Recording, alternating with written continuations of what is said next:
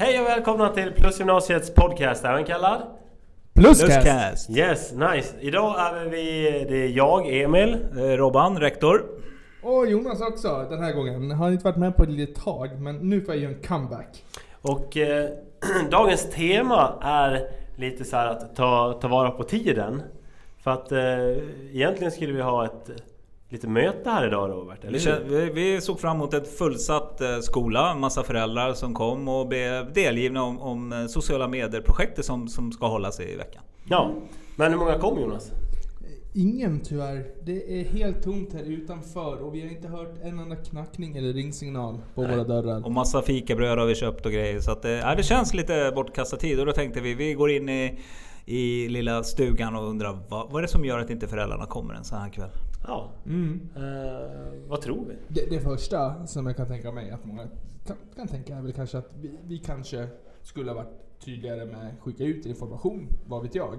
Men det kvarstår eh, fortfarande att det här är inte ett nytt fenomen. Nej. Nej. Det här Det är är, inte- någonting vi har upplevt varje år.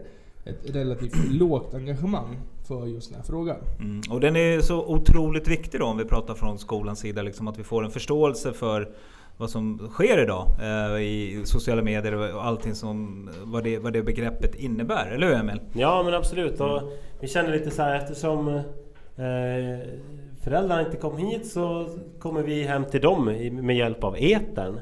Så att eh, eh, vi tänker helt enkelt att den här podcasten handlar väl kort och gott om vad vi skulle ha försökt förmedla till er ifall ni hade kommit. Ja, så att eh, Ja. till att börja med så Ja.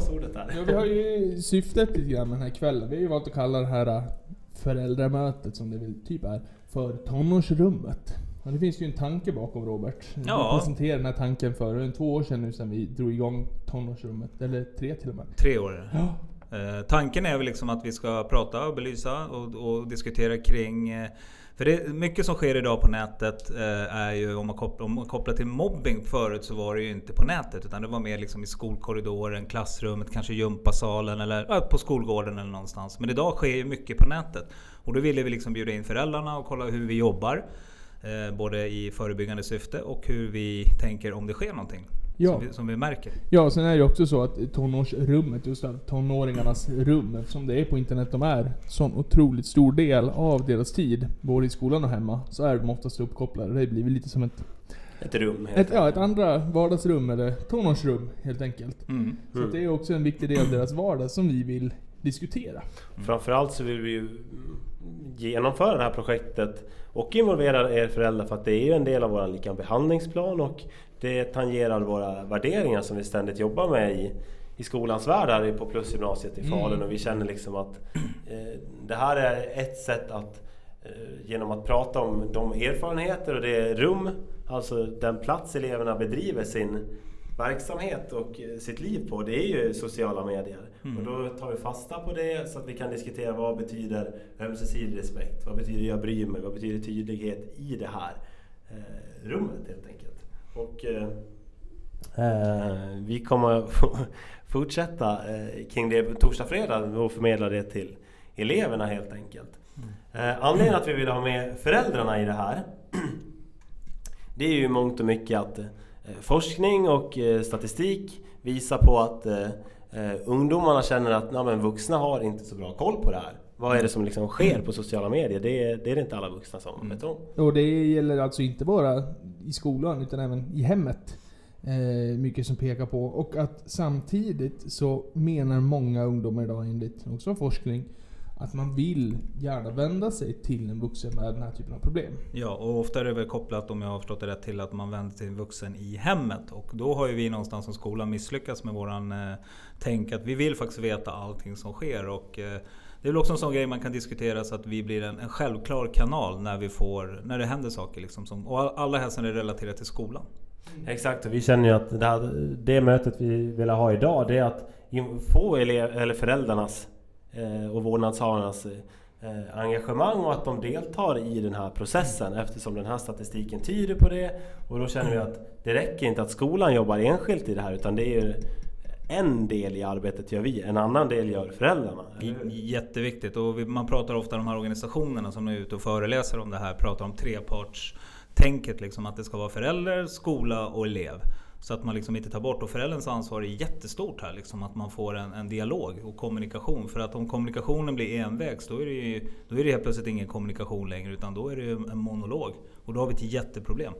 Ja men exakt. Jag, eh, jag tror eh, Jonas, du har lite statistik som du gärna vill lyfta fram och peka på. Var, vart, vart vill du börja? Jag kan börja med att presentera vart vår statistik är hämtad. Det är alltså Ja. från eh, BRIS, Barnens rätt i samhället, som har genomfört undersökningar. Och det här är den senaste som handlar då om eh, ungdomars och barns eh, användningsområde. Vad de gör på nätet, hur de upplever sig eh, kränkta och så vidare, vilka situationer det händer. Och eh, om man... En, den första intressanta statistiken som man, den här rapporten visar på är att en tredjedel av barn och unga har någon gång blivit kränkt via sin mobil, sin dator eller surfplatta, alltså på nätet i den typen av sammanhang som man hamnar i på sociala medier. En tredjedel har upplevt att de har blivit kränkta. Under det senaste året. Precis. Så att det är inte under hela deras livstid utan under det senaste året. Eh, och det skiljer sig lite mellan eh, eh, tjejer och killar. Eh, killar, eh, där tenderar kränkningar mer att ha, ske i samband med spel, gaming helt enkelt. Att de Mm. kanske spelar och de spelar Counter-Strike eller World of Warcraft och sen dör de och då blir de kallade det ena och det andra. Det- Din sopa, du kan inte spela bra. Noob är ju en klassiskt. Eh, som har följt med utanför digitala medier. Och det betyder? Nybörjare. Yes. Ja. Eh, Medan för tjejer så pekar det på att det är inte så mycket spel utan där är det mer de typiska sociala medierna. Som Instagram, Kik och Ask.fm. Ja. Eh, Kan du utveckla de här eh, lite mer? Det Mm. behöver inte vara så ingående men kanske koppla Eh, vad, vad är ja, det för sociala medier vi pratar om? Vad är KIK? Ja, Kik det är som en, en chatttjänst. Lite som när du skickar sms-mobilen. Det är, sker genom en app. Och Mm. det är mer som ett chattprogram där du kan vara anonym också. Alright. Eh, sen så har du Instagram. Eh, det är ju alltså som en bildblogg kan man säga. Du laddar upp bilder, skriver någonting. Kommentar, så kan du gå in och kommentera på andras, läsa deras bilder och så vidare. Och sista är? Ask.fm, eller ask.fm. Eh, och det är en sån här som har uppmärksammats väldigt, väldigt mycket i många skolor senaste året. Eh, jag vet att det har pratats bland annat på här Dokument inifrån på SVT om just det här. Sidan, det är alltså en sida där du lägger upp din profil och sen hela poängen är att andra kan ställa frågor till dig. Vad som helst och fullkomligt anonymt. Eh, och just när Ask FM har visat sig vara en otroligt stor eh, källa för kränkningar och trakasserier på nätet. Just mycket på grund av att många kan vara anonyma. Mm. Exakt. Och eh, lite av eh, tanken med kvällen när vi bjöd in eh, föräldrarna här var vi liksom att, att kommunicera helt enkelt med föräldrarna och fråga hur, hur går tonen i ert hem? Hur tänker ni kring era tonåringar och deras internetanvändande? Vet ni vad de har för Instagramkonton? Vet ni vad de har för eh, hur deras Facebook ser ut? Etc. etc. Få lite inblick helt enkelt och kanske delta. Även om man inte får att man har någon slags integritetsavtal inom familjen så är det ändå viktigt att som förälder påpeka att jag är intresserad, jag vet ungefär vad som händer och jag har ganska bra koll på vilka de här olika sidorna är. Och det är väl det vi känner att det är viktigt att vår uppgift är att belysa de här sakerna. Ja, och kunna samverka med föräldrarna också. Ja men exakt, för det är någonstans att vi vuxna, vi, vi kanske inte hänger med i det här Nej. på samma sätt. Och det, det, det förväntar vi oss inte som skola heller, men att intresset finns där. För att eftersom den här forskningen pekar på att elever och ungdomar idag, de vill ju kunna prata om det här. Mm. Och det är den första personen som man vänder sig till är oftast någon i hemmet. Och då krävs det ju att man kanske har lite koll. Mm. Så att det är inte att man ska vara någon spion och liksom följa sina eh, barn eller bekantas barn på nätet. Utan det är kanske att vara medveten om vad sker på de här olika. Vad används de till? Vad, vad är Snapchat? Vad kan ske där? Eh, och eh, man, man har liksom en insikt och insyn i deras liv. För att man pratar om att sociala medier, det är inte ett liv i sig.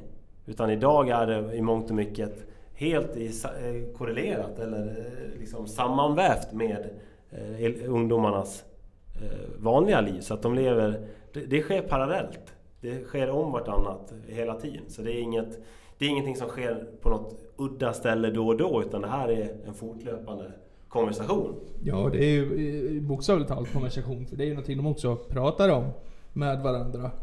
Eh, hör man ofta. De har sett någonting på Instagram eller någon statusuppdatering här och där. Att det är någonting de, som verkligen genomsyrar vardagen. Väldigt mycket. Mm. Vi pratar väl också lite grann om, om att få en eh, diskussion kring eh, hur, hur det är idag kontra kanske för 20-25 år sedan. Det här med utsatthet liksom, när man är på nätet, att man är utsatt, att man kan få de här kommentarerna som är negativa. Och oftast är det ju väldigt många positiva kommentarer. Men om vi säger att det är 30 positiva och en negativ så finns det fokus på den negativa. Och det är väl det också vi tycker att en sån här vecka med sociala medier när vi pratar för eleverna är viktigt att vi diskuterar och pratar om. Yes. Eh, en annan eh, intressant statistik här också. Man brukar ju oftast prata lite om, eh, det finns många man vill dela upp mobbingbegreppet och e-mobbing. Alltså e-mobbing, mobbing är just den här typen av mobbing som sker på nätet. Men att i 35% av fallen av så kallad e-mobbing så fortsätter samma mobbing utanför eh, internet. Alltså det är någonting som fortgår i verkligheten också så att säga. Eh, Så att det finns ett samband där också. Eh, Utsätter man sig för den här typen av kränkningar på nätet så finns det alltså en stor chans att det är någonting som man även upplever utanför. När man har kopplat ner. Mm. Tyvärr. Exakt, man brukar, eller man, forskning brukar dra en, Eh, en skillnad mellan eh, e-mobbing då, alltså mobbing som sker på sociala medier, internet och så vidare och forskning som sker ansikte till ansikte där man ser människan. Och det är någonstans att eh, e-mobbingen känns mer eftertänkt. Den känns mer Eh, hjälp mig att hitta ord här. Den känns mer ja, men genomtänkt. Den tar hårdare för att det är någonstans det skrivna ordet känns mer planerat Mm. än det sagda ordet som kanske sker i en situation där man är arg, man är uppbrusad och Det det, slinker av. ur en lite mer. Exakt, Ja, man precis. känner av det. Men Exakt. det här som sker bara framför skärmen, man ser ett ord ploppa upp där det står jävla idiot. Det kanske känns mycket mer Någon har lagt sin tid på att logga in, Mm. sätta sig ner, tänka ut vad de ska skriva, skriva ner det och trycka på skicka. Det finns många poäng, många punkter i en sån händelsekedja där en person kan tänka jag ska nog inte posta det här ändå. Mm. Och när man ändå Exakt. gör det, då tyder det på att det finns en, en, Mm. en, en uttalad eller uttänkt mening med att göra det här. Mm. Och en till sak som forskning visar på och diskuterar kring det är att den här typen av e-mobbing, den, den följer med.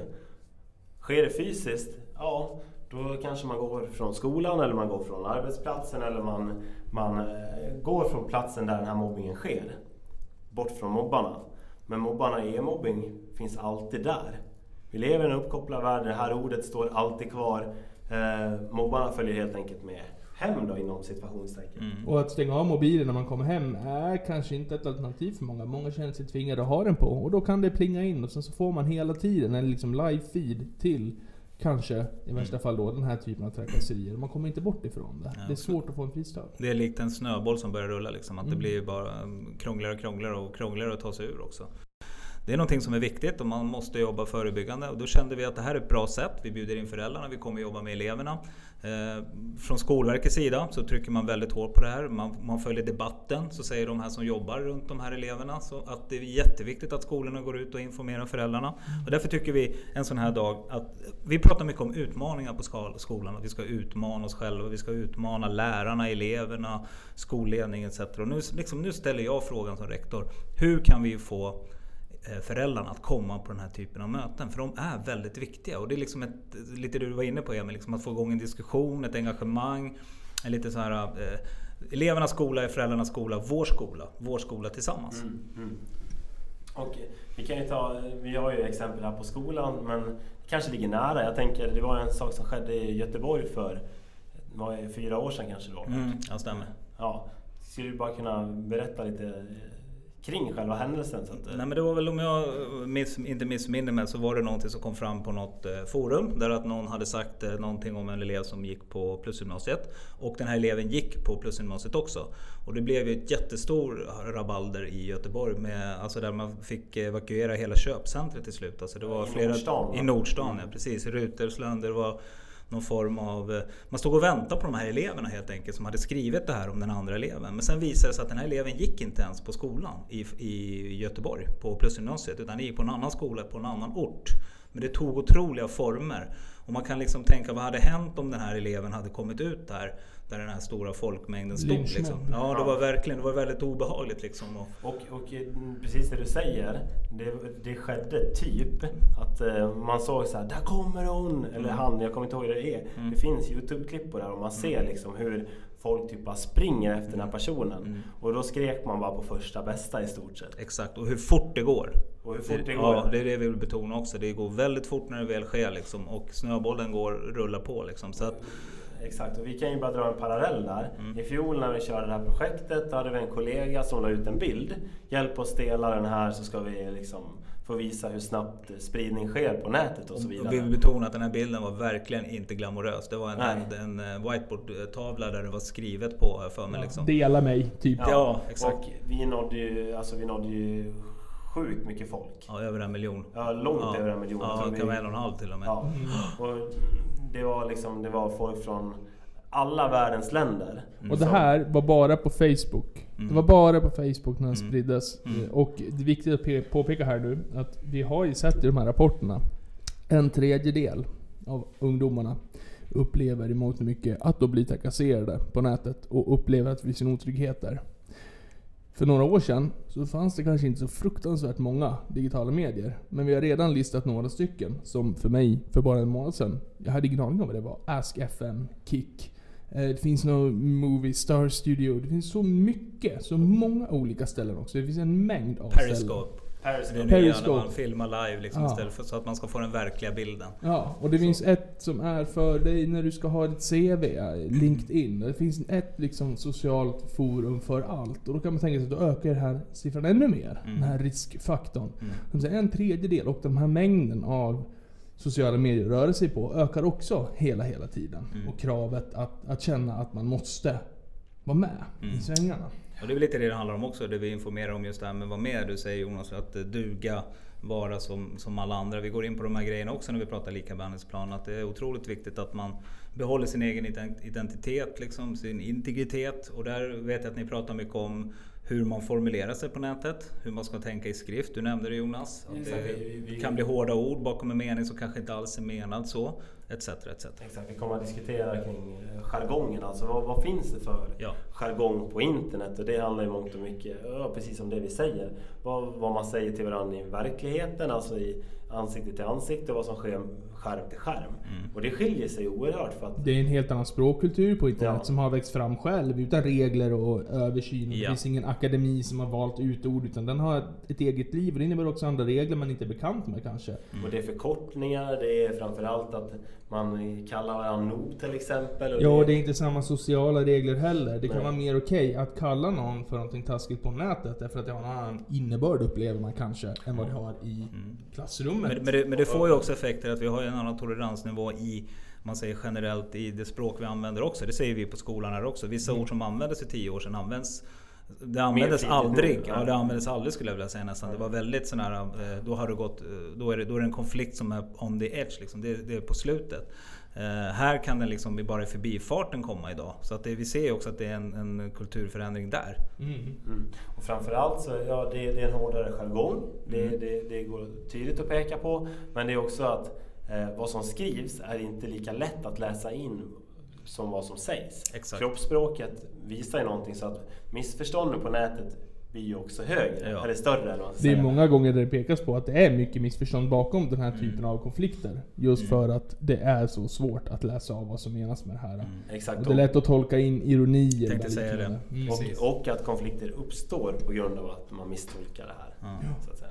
Ja, Det var väl det vi egentligen Vi hade, ja, vi Ja. hade kanske lite mer. Vi hade Jo, kunnat ja. götta ner oss. Vi hade en liten film vi tänkte visa, men det passar sig inte riktigt i det här mediet. Nej. nej, nej men exakt. Så att, eh, hoppas ni lyssnar Ja. och tar del av våra tankar. Eh, lyssna gärna på vad eleverna säger om torsdag och fredag här. Jag frågar dem när de kommer hem. Mm. Hur var det här? Och kanske våga ta en diskussion med era eh, ungdomar om vad gör du på nätet? Få, kan, kan jag få se? Mm. Kanske. Ja. Men, men jag vet ju hur vi funkar också, vi tre som sitter här inne nu. Och eh, även du Jakob om du lyssnar, du fick inte vara med idag.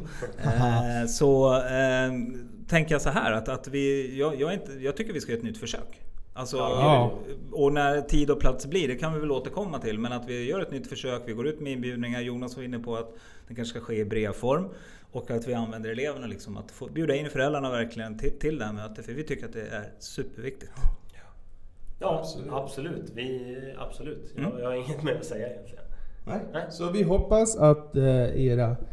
Ni, vi kommer ses snart igen. Ja. Vi hoppas att era elever kommer att laddade nu på torsdag, fredag den här veckan. Eh, för då ska vi köra på och prata om de här sakerna. Och vi hoppas att de tar med sig någonting hem till er. Mm. Och att ni ser till att de tar med sig någonting hem från skolan. Ja. Då tackar vi där för denna gång. Tack. Tack. Tack, hej.